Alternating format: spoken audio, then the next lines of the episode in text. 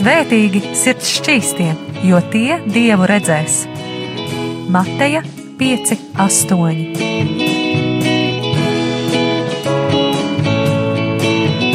Piektdienās radio raidījums Tēva meitas.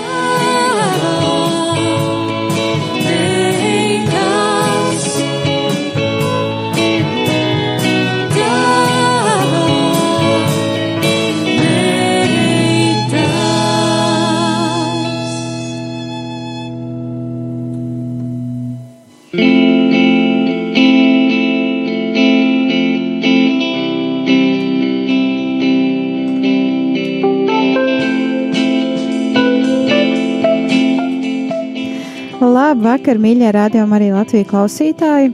Ar jums kopā šajā dienā esmu es Anija Palo, un man ciemos studijā ir arī kāds, nu jau varētu teikt, pat zināms cilvēks šajā raidījumā.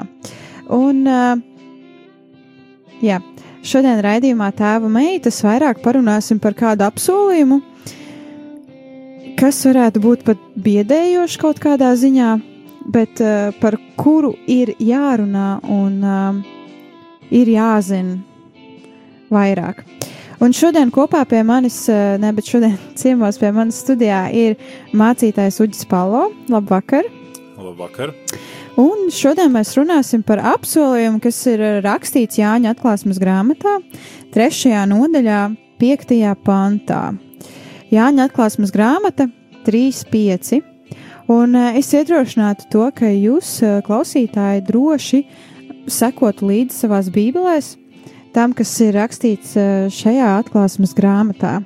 Lai tomēr nav tā, ka tikai mēs šeit runājam un tā, bet arī jūs varat pievienoties, ka jūs varat piedalīties un kā jau vienmēr arī droši drīkstēt sūtīt savus jautājumus vai arī kādus uh, iedrošinājums.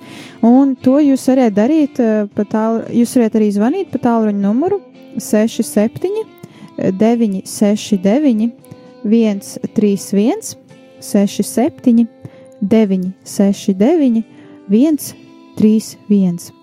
Un uh, eh, SMS sūtīt caur īsiņām vai arī caur WhatsApp aplikāciju drīkstiet pa tālruņa numuru 266 77 272, 2, 66, 77, 272, vai arī rakstīt savu rēpastu studija at rml.clv.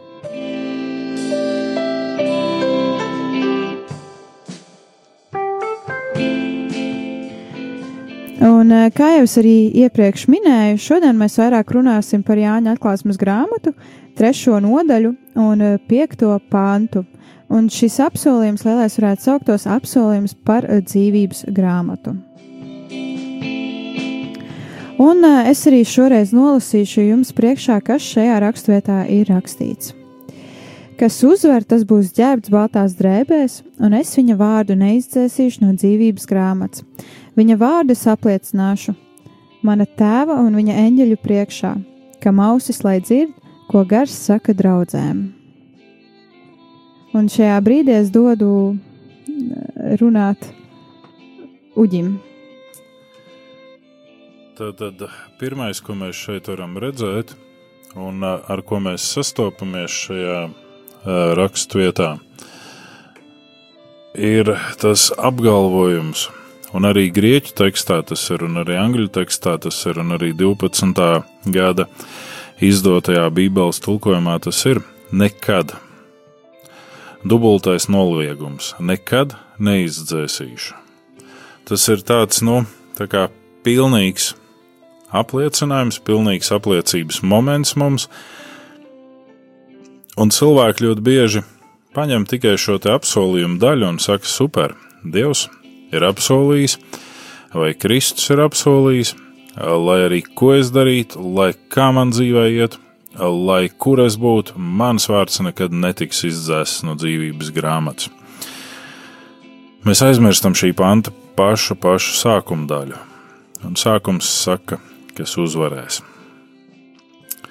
Kas uzvarēs. Un te ir ļoti eh, garš un plašs sarunu iemesls un temats, jo tā nav runa tikai par vienu konkrētu mazu periodiņu mūsu dzīvē. Tas nav kāds mirkļa aspekts vai vājums, bet tā ir visa dzīve. Mēs sakām, ko tad mums bailēs dzīvot, ko tad mums šausmās visu laiku staigāt un domāt, es uzvarēšu, es neuzvarēšu, es uzvarēšu, es neuzvarēšu. Pirmkārt, šim arm, armjāniskajam skatījumam, teoloģiskajam skatījumam, ko jau savā laikā, Augustīna laikā, bija aizsākuši manihejieši, un vēlāk arī armijāņi pārņēma kā stafets kociņu, ka es no rīta pamostos ne tādā noskaņojumā, Dievs man izdzēš no dzīvības grāmatas, un vakarā es nožēloju pareizajā secībā grēks, un Dievs man ierakst dzīvības grāmatā. To šis pants apgāž. Nav tāda sašķīkāta dzīvības grāmata, ka mēs tur tiekam ierakstīti, izrakstīti, ierakstīti, izrakstīti. Ja mēs vienreiz dzīvē būsim tikuši izrakstīti, tad mēs netiksim ierakstīti. Un ja mēs savukārt esam ierakstīti, tad Dieva pacietība ir milzīga un liela. Ne? Bet tas nenozīmē, ka mums ir iespēja spekulēt, un tas nenozīmē, ka mums ir iespēja, uh, puiciski sakot, laist rainu mūsu dzīvē. Nu, tā pa virsmu kaut ko paniekiem, no es te tā padzīvošu, tā kā man tīkās. Eh, ļoti bieži cilvēki aizmirst šo vienu aspektu, par ko Bībele runā. Vai ir tēvs mūsu starpā, Mateja Evanģēlijas 7. nodaļa, eh, kur ir teikts, vai ir tēvs mūsu vidū, kurš savam dēlam, kad tas lūdz maizi, tam dot akmeni, vai kad tas lūdz zīvi, tam dot čūsku. Un tas attiecās uz visu mūsu dzīves gājumu, un jautājums šeit paliek viens: mīļie, ticīgie cilvēki šajā Ziemassvētku laikā, cik principiāli jūs esat iepratīm tam, kas skar jūsu viskvēlākās vēlmes? Cik principiāli un noteikti jūs esat tajā ziņā, ka jūs sakat, ok, es redzu, ka tas nav no dieva. Lai cik kārdinoši tas būtu, lai cik patīkami tas būtu, es to nedarīšu. Mēs ļoti bieži sakam, jā, bet man gribās dzīvot labāk, man vajag dzīvot labāk, man taču ir apsolīts, es taču esmu, mēs esam izlaidušies šajā ziņā. Mēs esam ārkārtīgi patērējoša un prasoša sabiedrība, bet mēs neesam tikpat dodoša sabiedrība atpakaļ dievam.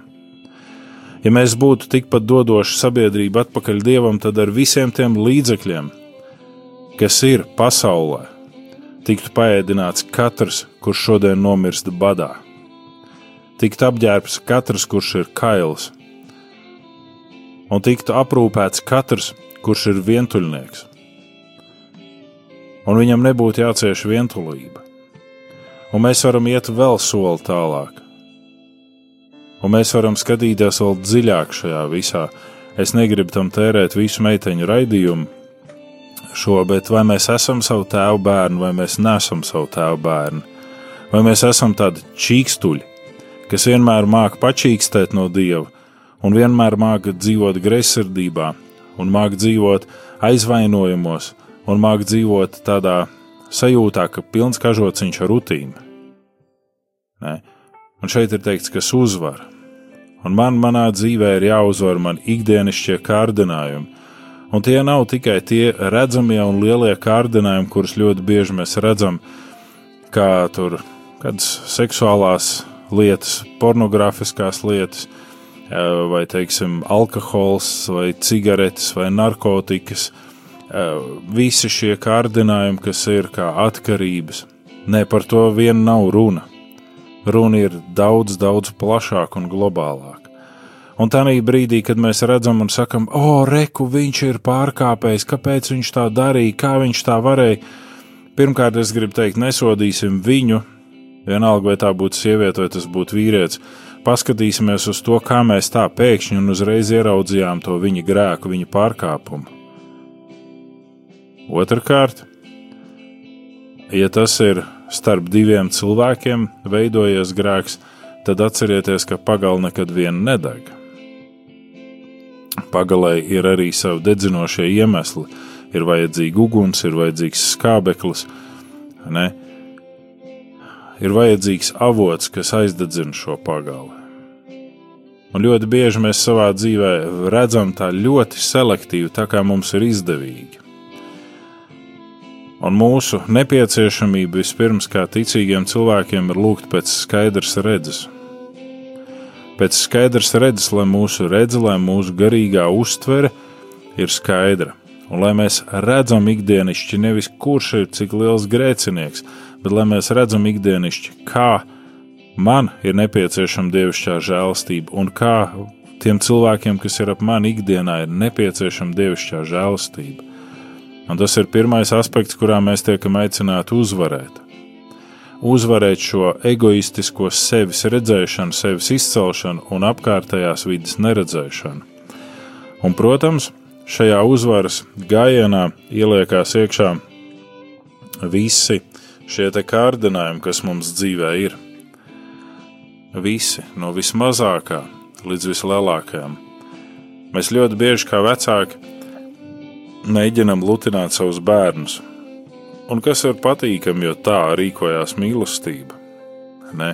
Mīlestība dod, mīlestība rūpējās, bet mēs reizēm pārprotam šo mīlestību. Un mums patīk lutināt mūsu bērnus, un līdz ar to viņi iemācās, ka nepastāv tāds nē. Un tā brīdī, kad vienreiz mēs sakām viņiem nē, tad ir jautājums, kā, kāpēc man saka nē? Kādu drīkst man teikt nē?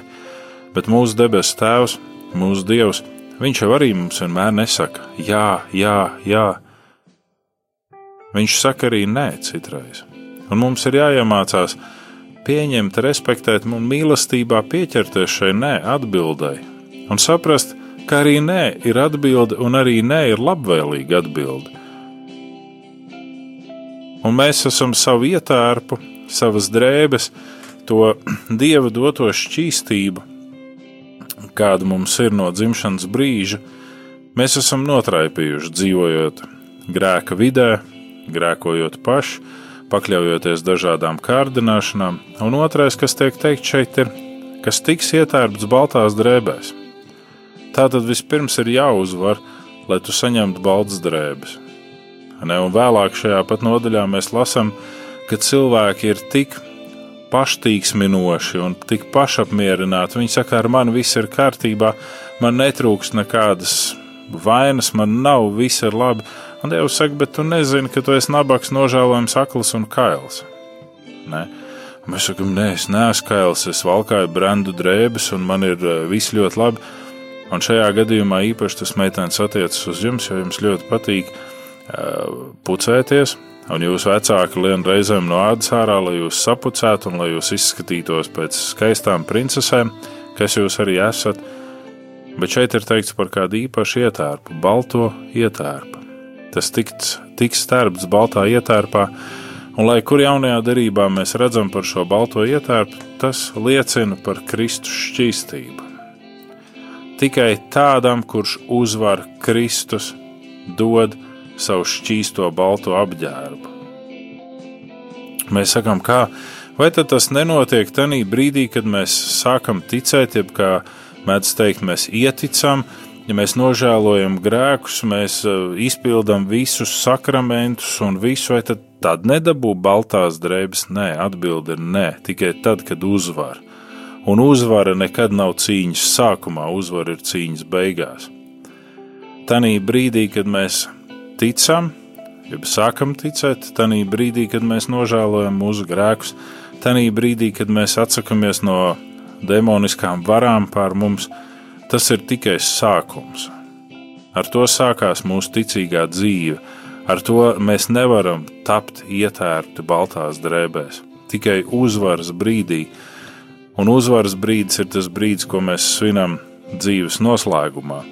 Un tādēļ, domājot par šīm baltajām drēbēm, un domājot par to, ko mēs iepriekš esam runājuši par tiesāšanu, par uzvarēšanu un vispārējo, lai skan pirmā dziesma. Bet pirms pirmās dziesmas man vēl ir jautājums Uģim, kāpēc tieši šī dziesma? Un tā būs um, Leonarda Koēna Aleluja.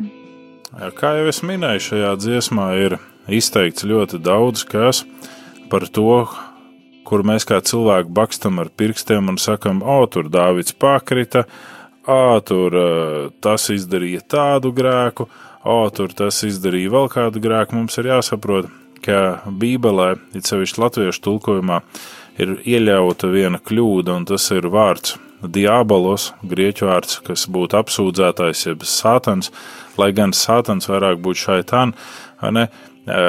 jeb satanā, tiek tulkots kā vēlns, un vēlns ir tāds pasaku tēls. Bet viņš ir apsūdzētājs, un viņš tiek saukts par brāļa apsūdzētāju, un viņš ir visur caur mūsu līdzgaitniekiem, lai mūs apsūdzētu. Un šajā dziesmā Leonards Koens saka, neatkarīgi no tā, ka tu pakrīti savas cīņas laikā, ka tu pakrīti. Tā var notikt un tur ir vairāk aspektu. Varbūt mēs pēc šīs dziesmas pauzes paklausīsimies un paskatīsimies uz to, kas tie varētu būt par aspektiem, bet ir vairāk aspektu, kuru dēļ es varu krist. Un atkal tas jautājums ir par manu cīņu, par manu uzvaru, un neatkarīgi no tā visa, vai es nepazaudēju aleluja no savas dzīves, jeb šo augstāko slavas saucienu dievam, neatkarīgi no maniem dzīves apstākļiem, vai es palieku ticīgs un vai es palieku uzticīgs.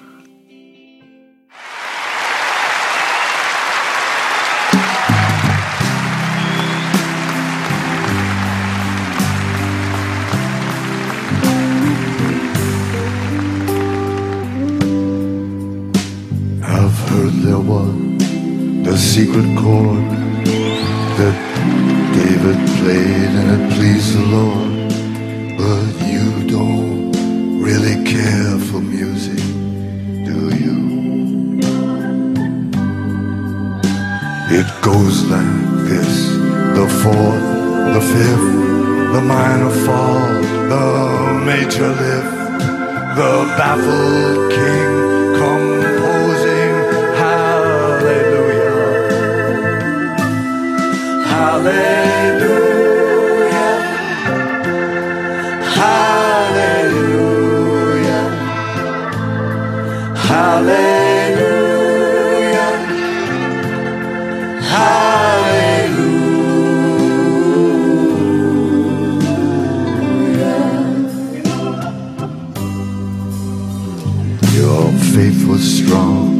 but you needed proof. You saw her bathing on the roof, her beauty in the moonlight overthrew you. She tied you to a kitchen chair. She broke your throne and she cut your hair. And from your lips she drew the. Hallelujah.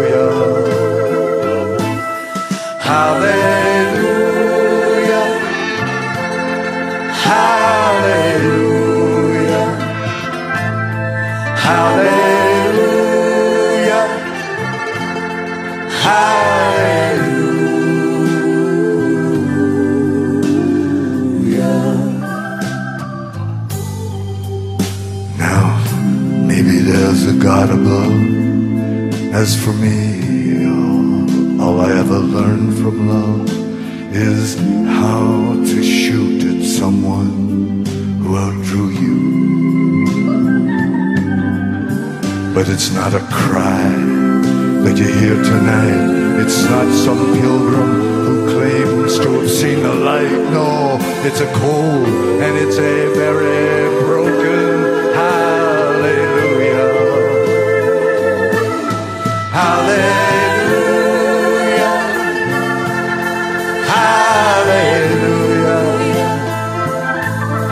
Hallelujah.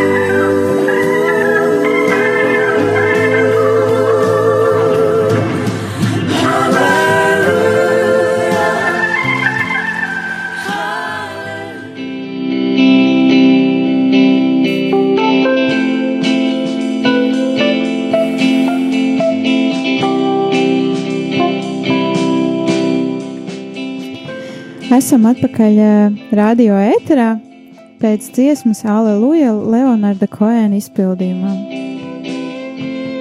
Un ar jums kopā šajā dienā raidījumā tēva meitas esmu es Anija Palo, un man ciemos studijā ir Uģis Palo, un uh, vairāk jau Uģis runā, uh, un viņš runā arī par Jāņa atklāsmes grāmatas trešo nodaļu, uh, piekto pantu, kur uh, Dievs ir izteicis kādu apsolījumu par to, ka tie, kas uzvar, pirmkārt tie būs ģērbti baltās drēbēs, un otrkārt tie nekad netiks izdzēsti no dzīvības grāmatas. Un tad šie divi apsolījumi ir arī tie, par kuriem mēs vairāk runājam šodien šajā raidījumā. Un jau pirmajā raidījuma daļā Uģis vairāk pieminēja tieši šo, kas uzvar un tiks ģērbti šīs divas lietas. Un tad es domāju, ir pienācis laiks arī doties tālāk un uh, mazliet dziļāk arī pastīties šajā, uh, ko Dievs saka par to, ka tad viņš mūsu vārdu, jeb uh, to cilvēku vārdus, kas būs ģērbti baltās drēbēs, nekad neizdzēsīs no dzīvības grāmatas. Un man ir vēl tāds eh, ļoti iespējams interesants jautājums, pirms mēs arī ejam tālāk. Kas ir tas grēks, kas, kura dēļ mēs varam tikt izdzēst no dzīvības grāmatas? Mūsu vārds varētu tikt eh, izrakstīts, ne, bet man liekas, ka šajā vietā ir tas, ka Viņš tā kā izgriež to dzīvi, nu, to vārdu vai, vai, vai. Uh, ir tāda semantiskā simbolika, uh, kur ir runāts par jēra asinīm, jeb Jēzus Kristus kā jēra asinīm, ar kurām mēs tiekam apzīmogot un ar kurām mēs topam ierakstīti.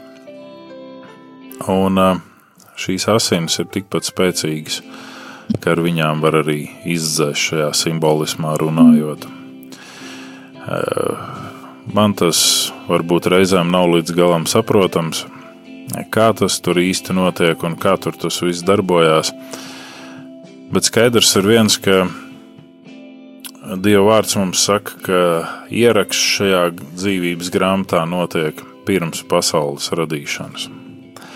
Dievs ir veicis visus ierakstus, kā gudrs arhitekts, kurš ir izplānojis zināmu ceļu, un tur ir visi ieraksti. Un tajā brīdī, kad mēs sakām, vienalga, pa kuru ceļu tu ej, vienalga, kā tu tici, ja tavs vārds tur ir ierakstīts, tad tu nonāksi debesīs. Un Dievs izlaidīs tevi cauri gaļas mašīnai un cauri Un mēs varam uzskaitīt dažādus interesantus vārdus, caur kuriem viņš mūs varētu izlaist. Un tad vienalga mēs nonāksim debesīs. Mēs gribētu, lai viss ir tik vienkārši un tik labi. Mēs gribētu, lai viss ir tik viegli un tāds, kā jaunieši mēdz teikt, tādā čīliņā, visu vai ne? Nu tā, nu, mēs te tā skaisti padzīvosim, kaut ko parunāsim mazliet padiskutēsim, nu, padarīsim kādu grēku arī, nu, neko jau tur darīt nevar, un Dievs jau tāpat beigās visu piedos. Mēs to tā neredzam Bībelē, jo tā cena, jeb tā samaksa, ir bijusi tik augsta, ka Dievs prasa arī kaut ko pretīm. Un Dievs prasa kaut ko konkrētu pretīm. Un pirmais kas no mums tiek prasīts, un es nezinu, vai tas ir tas moments, kura dēļ mani var izrakstīt no izdzēst no dzīvības grāmatas, bet ir teikts, it sevišķi jaunajā derībā, par grēku vienskaitlī un par grēku daudzskaitlī. Un grēks vienskaitlī ir neticība. Un neticība atklājās cilvēku dzīves attieksmē. Mm. Ja tu netici, ka tev būs sots, ja tu netici, ka tev būs kaut kādas konsekvences par to, ko tu dari nepareizi, tad tu atbilstoši rīkojies.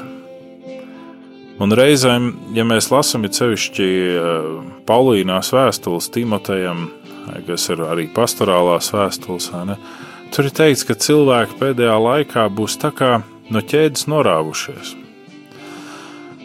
Un te ir jautājums, vai tas pēdējais laiks ir pēdējais, pēdējais, vai tas pēdējais laiks ir katra kaut kāda cikla noslēdzošais laiks, kas ir pēdējais laiks. Nē.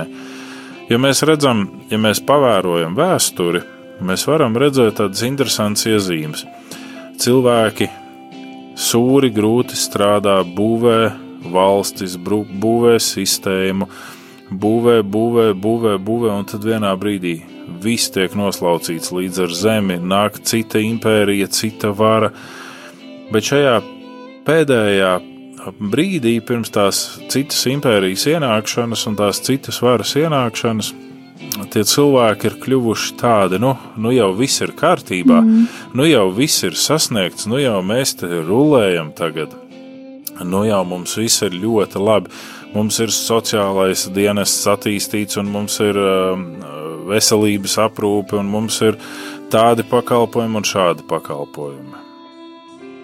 Un, protams, ka tāpat laikā blakus valstīs, blakus ciemos cilvēki mirst badu, bet mūs tas neskar.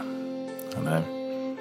Un tad nāk tā pretējā impērija, noslauka visu zemes virsmu, ja tā simboliski varētu teikt, un sākās atkal darbs no sākuma ir kādas verdzības, ir kādi posmi, kuriem cilvēks iziet cauri. Un tieši tas pats skar arī mūsu garīgo dzīvi, ka ir šie cikli, šie posmi. Un tajā brīdī, kad tu piedzīvo labklājību, patiesu labklājību, tajā brīdī, kad tu piedzīvo patiesu atzinību, esi pazemīgs un godīgs Dievam. Vienalga, vai tu esi meitene, vai tu esi puisis, vai tu esi tante vai onkulis, kas klausies šodien mūsu. Esi godavīgs Dievam, jo tas nav tavs nopelns. Eh, es klausījos kādas pārdomas par šo cīņas aspektu šeit pat radio Marija ēterā, un ir teikts, mums ir jācīnās visā mūsu dzīves gājumā, mums ir jāuzvar ļaunais, Bet tā patiesā uzvara nāk tad, kad mēs nepaļaujamies uz savu spēku, tad, kad mēs nesakām, ok, es esmu tas, kas nodrošina šo visu. Nē. Bet tajā brīdī, kad mēs saprotam, ka cīņa ir smaga un mums ir vajadzīgs Dievs, un tad, kad mēs sakām, es no sevis nespēju neko, tikai tad var nākt patiesā uzvara. Varbūt arī tādas viltus uzvaras, kurās mazliet pretinieks tā kā padodas. Ja jūs zinat to, ja jūs gribat uzvarēt savu pretinieku, izliecieties par vājāku, kā jūs esat. Un tas ir ļoti zīmīgs padoms, jo tādā veidā tu vari uz, uzzināt savu pretinieku vājās vietas Un tādā veidā tu vari uzzināt savu pretinieku godkāri, šo cieņas pilno, ah, es visu zinu, es visu varu, es jau tūlīt būšu uzvarētājs. Un nekas nenotiek. Vai arī tajā pašā laikā mēs varam uzzināt, cik tālu mūsu pretinieks ir gatavs iet, lai uzvarētu. Tieši tā. Un, un tā tad runa bija par to pēdējo laiku. Pēdējā laikā nāks tādi rīīgi cilvēki, kā norāvušies no ķēdes. Un tad ir jautājums, varbūt ka apustulis Pāvils nerunā tikai par kādu cikla beigām, bet viņš runā vispār par pasaules mm. pēdējo taisnu, finišu taisnu. Un mēs sakām, jā, tas jau tāds kristīgais aforisms biedēt cilvēkus ar laiku beigām un ar to, ka tūlīt jau pasaulē gals un tagad atgriezies pie Dieva. Pasaules gals kā nav, tā nav nācis? Mm. Bet paskatieties, mīļie klausītāji, sev apkārt mēs redzam tieši Jēzus izteiktos vārdus: ļaunums ies vairumā, mīlestība daudzos izdzisīs. Mīlestību uz ko? Uz cilvēkiem un uz Dievu. Mēs sakām, bet vajadzētu otrādi vispirms uz Dievu, un tad uz cilvēkiem nevajag uz cilvēkiem, un tikai caur mīlestību uz cilvēkiem Dieva mīlestība mūsu vidū var tapt pilnīga. Un tikai caur mīlestību uz cilvēkiem Dieva mīlestība parādās kā īsta un patiesa mūsos uzvarēšana. Es pieņemu, ka viens no tiem aspektiem, arī sasaucoties ar Jāņa Evanģēlijas 16. nodaļu, šeit ir runa par ticību. Ticība ir tas aspekts, kas var mūs izdzēst no dzīvības grāmatas, jeb ticības trūkums, ir tas aspekts, kas var mūs izdzēst no dzīvības grāmatas. Un šodien es esmu piedzīvojis ļoti daudz cilvēku, kuri baidās no patiesas ticīgo dzīves. Viņiem patīk tā pa virsmu, tā pa vieglo, tā pa vienkāršo lūkšanas. Jā, mēs jau varam noskaidrot visas lūkšanas, kādas vajag dienas laikā, naktas laikā, pusdienas laikā. Visas lūkšanas mēs varam pateikt. Un, un, un, un, un vajag aiziet uz dievkalpojumu, mēs varam aiziet, vajag uz misiju aiziet, mēs varam aiziet, vajag sakraments pieņemt, mēs varam pieņemt, vajag uz grēksūdzi, mēs to visu varam. Bet tā nī vairs nav tā patiesība. Tanī vairs nav tas brīdis, kad tu nokrīti ceļos un ar asarām sūdzi savus grēkus un saki, man ir tik daudz, ka es neko nevaru pateikt, kā vien es man grēciniekam žēlīgs. Mm. Meitenes ir gatavas dzīties savus iekārus vadītas pēc puišiem. Puiši ir gatavi dzīties pēc meitenēm, nedomājot par sekām. Vecāki ir gatava pateikt saviem bērniem, atšujies, man nav laiks priekš tevis. Tev vajag naudu, es tev iedošu, labāk es tev ielikšu kaut kādā treniņā, trenējies, dari kaut ko, tikai liec mani mierā, man te ir jānokārto mazliet savu dzīvi. Ja? Bērns ir tavas dzīves daļa. Un tas viss ietver sevī šo te, kas uzvar, ietver sevī šīs baltās drānas.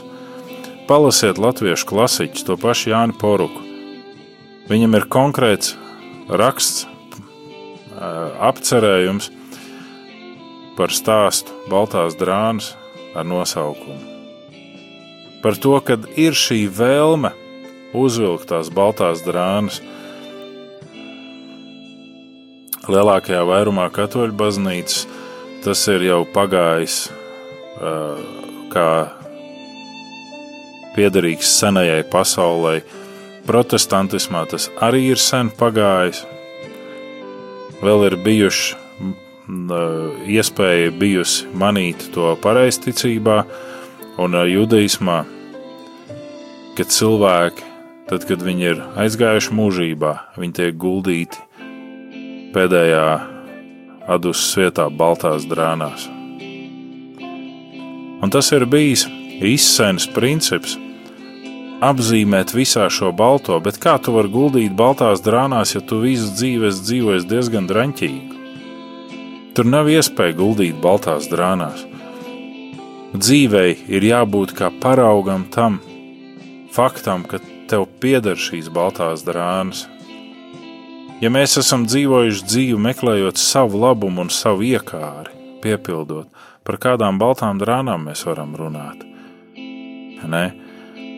Un, protams, ka tad, kad ir neticība mūsu sirdī, tad mums sākās arī dažādas ķecerības un zaimošanas. Un Jēzus saka, ka jebko, kas tiks teikts pret Dievu, cilvēkiem piedos, jebko, kas tiks teikts pret Jēzu, tiks piedots, bet tie, kas zaimos svēto garu, tiem netiks piedots nec šī, nec nākamajā dzīvēm. Un atkal mēs sakām, kā cilvēku, un it sevišķi kā teologu, mēs sakām, tas nav iespējams. Dievs taču nevar būt tik ļauns, ka viņš mūžam tur rūkumu. Viņš nav ļauns, viņš ir principiāls un taisns. Un ja viņš ir pateicis, nedari to, tad nav variants, ka viņš tagad pēkšņi ir palicis riebīgs, ļauns un rupucis. Viņš ir pateicis, nedari to. Un mēs sakām, nē, vienalga, lai cik zemes krist, Dievs dos man iespēju piecelties tajā brīdī, kad mēs tīši grēkojam. Ebreju vēstules autors saka, tad vairs neatliek upurs par grēkiem. Un, ja tu zini, ka tu dievam lūdzi zīvi, bet tev pretīm nāk čūska un saka, hei, negribi man uzkost un apēst mazliet, tad saka, nē, es negribu, es lūdzu zīvi un es saņemšu zīvi. Un tas ir tas variants, kad cilvēki man saka, jā, bet es arī gribu apprecēties, jā, bet es arī gribu dzīvot labi.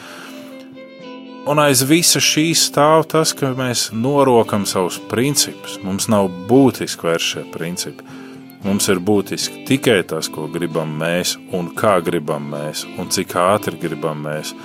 Kāpēc es par to runātu varu? Tāpēc, ka es tur esmu bijis, un brīžam vēl šodien es cīnos par to, lai tur neiekristu un neizdarītu grēkus, pārkāpumus šajā ziņā, ka es gribu to, bet man nav laiks, ja pacietība sagaidīt. Ko Dievs ir paredzējis? Marijai Jēzus nepiedzima trijās minūtēs. Es domāju, no pasludināšanas brīža līdz Jēzus piedzimšanai nepagāja trīs minūtes. Tie bija normālais grūtniecības process. Un šajā normālajā grūtniecības procesā viņi gāja cauri nenormālam stresam un nenormālām pārbaudēm par to, ka viņa nav sagrēkojusi.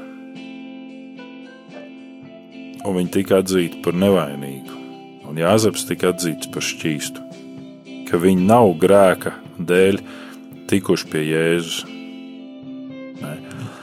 Mēs to reizēm negribam pamanīt, jo mums tie Bībeles stāsti ir tādi tā kā stāsti, tā kā tādas skaistas pasakas, kuras mēs tā palasām bērniem priekšā un tā sakam, nu redz, kā tas tā forši notika, bet tas process ir normālais, dabīgais process. Un līdz ar to dažādi norādījumi ar pirkstiem un dažādi ķecerības, kas varēja tikt izteikts pret Mariju un pret Jāzepu, tas tur bija viss apkārt un Jēzus piedzima, un viņa piedzimšanu mēs svinēsim visai drīz.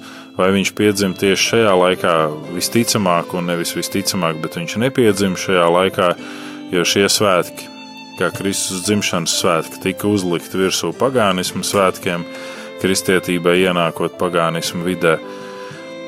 Bet šie svētki ir ļoti labi, lai mūs atgādinātu par to, ka Jēzus ir dzimis un pasaulē nācis, un lai mēs paskatītos uz šo ka pie Jēzus atradās gudrie, kas ir mazākumā, pie Jēzus atradās gani, kas arī ir nedaudz, Jēzus vecāki atradās, un kad eņģeļu saime dziedāja, vēlāk Jēzus sastapa Simjāns un Anna, bet tie ir tādi selektīvi momenti. Tas nav tā, ka lielākais vairums cilvēku visi skrēja pielūgt Jēzu. Ne? Un um, domāsim, kāpēc, bet par to pēc mūzikas pauzes. Un jautājums tiek atkārtots, kāpēc šī dziesma, un šajā brīdī klausīsimies grupas uh, karalim un valstī izpildījumā dziesmu Mazais bundzinieks. Es esmu dzirdējis kādas ķecerības par to, o, tur nebija daudz cilvēku, bet redz, mazais bundzinieks bija. Pie Jēzus, ne, mazais bundzinieks nebija pie Jēzus. Mazais bundzinieks bija viens nabaga zēns, kurš mācīja spēlēt bungas, un kurš sarakstīja šo dziesmu. Viņš teica, man nav tev jēzus, ko dot, man ir tikai šī spēle un šī bungošana, ko es tev varu uzticēt, un kā es tev varu sveikt. Un tā tapa šī dziesma, bet uh, karalim un valstī, jeb ķēniņam un valstī, uh, izpildījumā šī dziesma man personīgi šķiet ļoti īpaša un ļoti, ļoti nozīmīga ar savu tādu agresiju, varbūt pat un sāpi par to, ka nemazam jau mēs negribam tam Jēzum dot to, kas mums ir.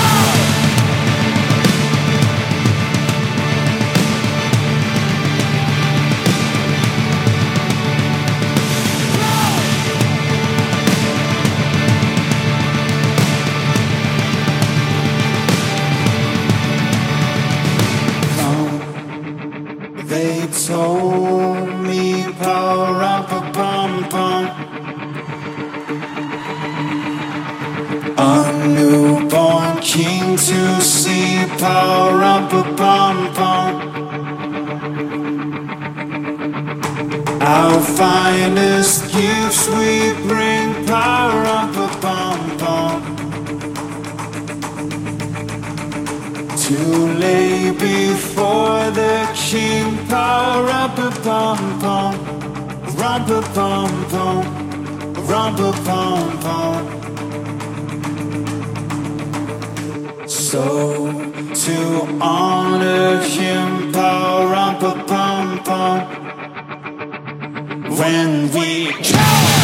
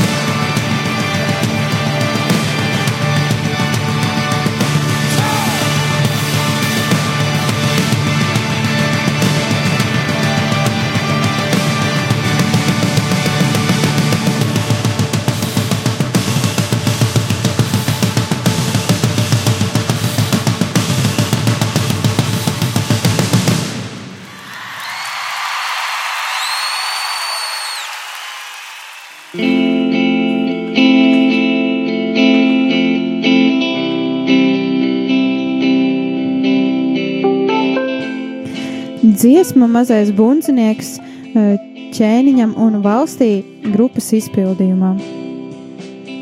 Un šajā dienā raidījumā tēva meitas ar jums kopā esmu es Anija Palo, un uh, man ciemos studijā ir uh, mācītājs Uģis Palo. Un uh, arī šajā brīdī, paldies par jautājumu jautātājiem, klausītājiem, uh, mums ir ienācis arī kāds jautājums saistībā ar to, ko ar to, ko Uģis pieminēja mazliet pirms šīs dziesmas, paskaidrojot, kāpēc tieši šī dziesma un varbūt ko tā dziesma vairāk viņam nozīmē. Un jautājums ir sekojošs. Slavēts Jēzus Kristus! Atvainojos par jocīgo jautājumu. Kas bija ar Mariju, kad Jēzus nāca pasaulē, kas viņai palīdzēja, kas pieņēma bērniņu, vai tie bija eņģeļi vai jāzeps? Neviena jau blakus nebija. Šis ir ļoti interesants jautājums. Eh, Kanoniskajā literatūrā un par kanonisko mēs uzskatām eh, jauno derību tāda, kāda viņa ir bez apokrifajām grāmatām. Tur nav minēts nekas par to, kas palīdzēja eh, šim bērniņam nākt pasaulē. Es zinu, ka ir dažādas tradīcijas. Es zinu, ka cilvēkiem patīk daudz un dažādi stāsti un pastāstiņi. Gan par to, ka Jēzus vispār nepiedzima dabīgi Marijai, par to, ka viņš pašķīra Marijas sānu un ienāca šai pasaulē, gan par to, ka Jāzeps skraidīja apkārt pa Betlēmas laukiem un meklēja veco, vecmāti, kas varētu pieņemt, un tad, kad viņš ieradās atpakaļ, tad jau Jēzus bija piedzimis. Ir daudz un dažādi šie stāsti un nostāsti. Es varu pateikt to, kam es ticu un par ko es esmu pārliecināts. Un pārliecināts ne tādēļ, ka Dievs man būtu ļāvis ginekoloģiski pārbaudīt Mariju vai sarunāties ar Jāzepu. Nē, par to nav stāsts bet pārliecināts par to, kas kanoniskajā literatūrā ir rakstīts, un ticēt tam, un nemēģināt uzlikt tam savu pastāstiņa oreolu. Un kanoniskajā literatūrā ir teikts, bet, kad laiks pienāca dzemdēt, Marijai piedzima viņas pirmdzimtais dēls. Un, ja mēs skatāmies e, domu paralēlismā uz Bībeli, un mēs redzam to pravietojumu, kas tiek izteikts pirmajam Ādamam un Ievai, kā lāsta pravietojums, ka Ādamam būs smagi strādāt, un dēļ Ādama pasaulē ir ienācis grēks, un Ievai būs sāpēs bērnus dzemdēt, bet tas, kas piedzims no Ievas, satrieks čūskai galvu, un čūska varēs iekost tikai paka, papēdī šim uh, varonim. Un ja Jēzus ir proto-ādams. Tātad caur ādam ienāca grēks pasaulē, Jēzus uzvar grēku, sātanu un ļaunumu, tad Marija ir proto-ieva, jo Marija piedzemdēja Jēzus sāpēs. Un, ja kāds tam nepiekrīt, piedodiet man, šī ir mana pārliecība un ticība. Marija izpildīja šo pravietojumu līdz galam un piedzemdēja Jēzu un Jēzus pie krusta, uzvarot čūsku jeb sātanu, satrieca viņam galvu. Un pateicoties šai uzvarai, mūsu vārdi ir ierakstīti dzīvības grāmatā. Un, ja tomēr pienāks diena, kad vajadzēs dzēst kādu no vārdiem, tad tas tiks izdzēsts. Bet nebūs tā, šodien izdzēšu, rīt ierakstu atpakaļ, parīt atkal dzēšu ārā, Tādēļ būsim ļoti nopietni par to, kā mēs attiecamies pret šo ierakstu, kas ir veikts dzīvības grāmatā. Dievs nevienu nav nolēmis Ellai. Cilvēki paši sevi nolemj Ellai. Un tas ir vēl viens brīdinājums. Ja tad, kad mēs skatāmies uz 22. nodaļu šeit pat atklāsmes grāmatā 19. pantu, tur ir teikts, Un ja kāds kaut ko atņem no šīs grāmatas pravietojuma vārdiem, Dievs atņems viņam daļu no dzīvības koka un svētās pilsētas. Mēs sakām, hmm, ok, galvenais kaut vai pie vārtiem tikt debesīs. Mēs nezinām, vai mēs tiksim pat tur pie vārtiem, ja mēs kaut ko noņemam no šiem vārdiem. Un mēs esam redzējuši par apstuļu, jeb Jēzus tiešo sekotāju un aculiecinieku asketismu un ticības dēļ gatavību pat nodot dzīvību. Mm.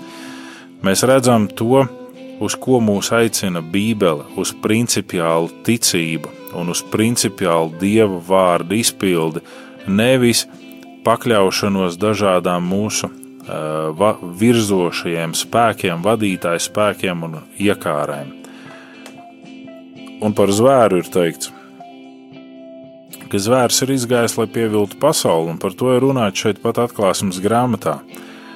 Un ir teikts, ka visi iedzīvotāji, kur vārdi no pasaules radīšanas nav rakstīti dzīvības grāmatā, brīnīsies redzot, ka zvērs bija un ko viņš dara un kā viss notiek. Ne? Un klanīsies viņa priekšā un pielūgs viņu. Un mēs lasām arī atklāsmes grāmatā, un visi zemes iedzīvotāji pielūgs šo zvēru, visi tie, kuru vārdi no pasaules radīšanas nav ierakstīti nokautā jēra dzīvības grāmatā. Un es zinu, ka mūsu kardināls Latvijas, viņam ir ļoti mīļa šī tēma, gan par pasaules beigām, gan par zvēru zīmi, un viņš bieži runā un uzrunā mūsu ticīgos būt uzmanīgiem par to, būt vērīgiem kā mēs dzīvojam savu ticības dzīvi, vai mēs dzīvojam patiesi šķīstībā un pilnībā. Un tad, kad mēs nonākam dzīves eh, posmā, kas saucās Dvēseles tumšā nakts, ir ļoti daudz cilvēku, kas mēģina aizbēgt no šīs dvēseles tumšās nakts. Kaut kad tuvākajā laikā es runāšu par šo tēmu atkal un detalizētāk. Ir ļoti daudz cilvēku, kuri baidās būt patiesi ticīgi, jo tas uh, ierobežo, tas liek viņiem izskatīties muļķīgi.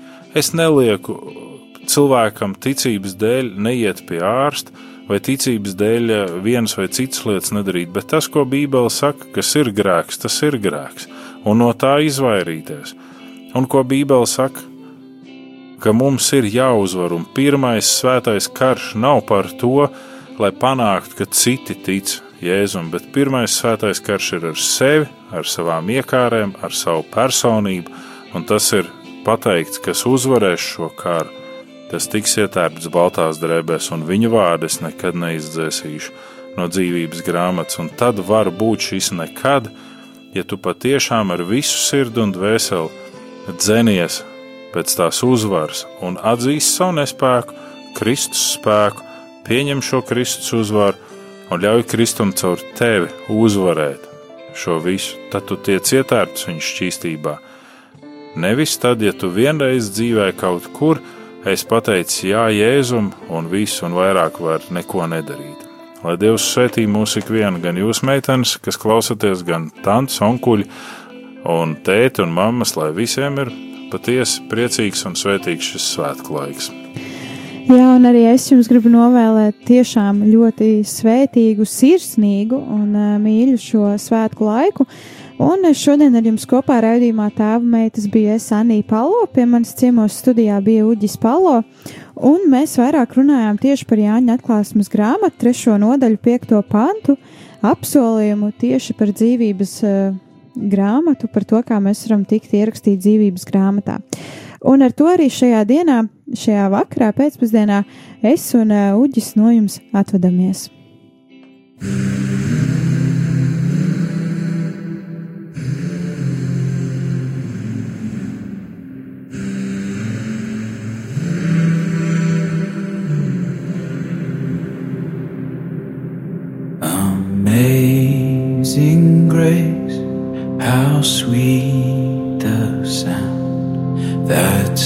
saved a wretch like me.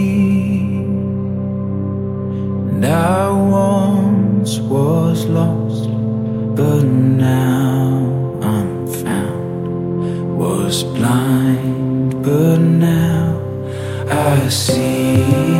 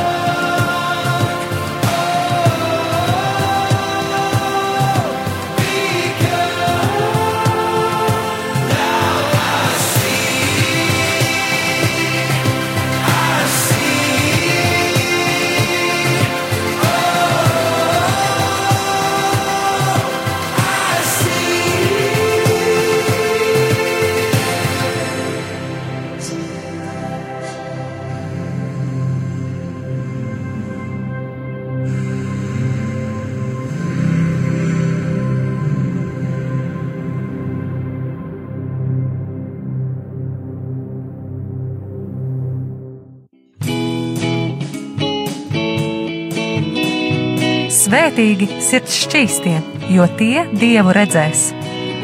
Mateja 5, 8.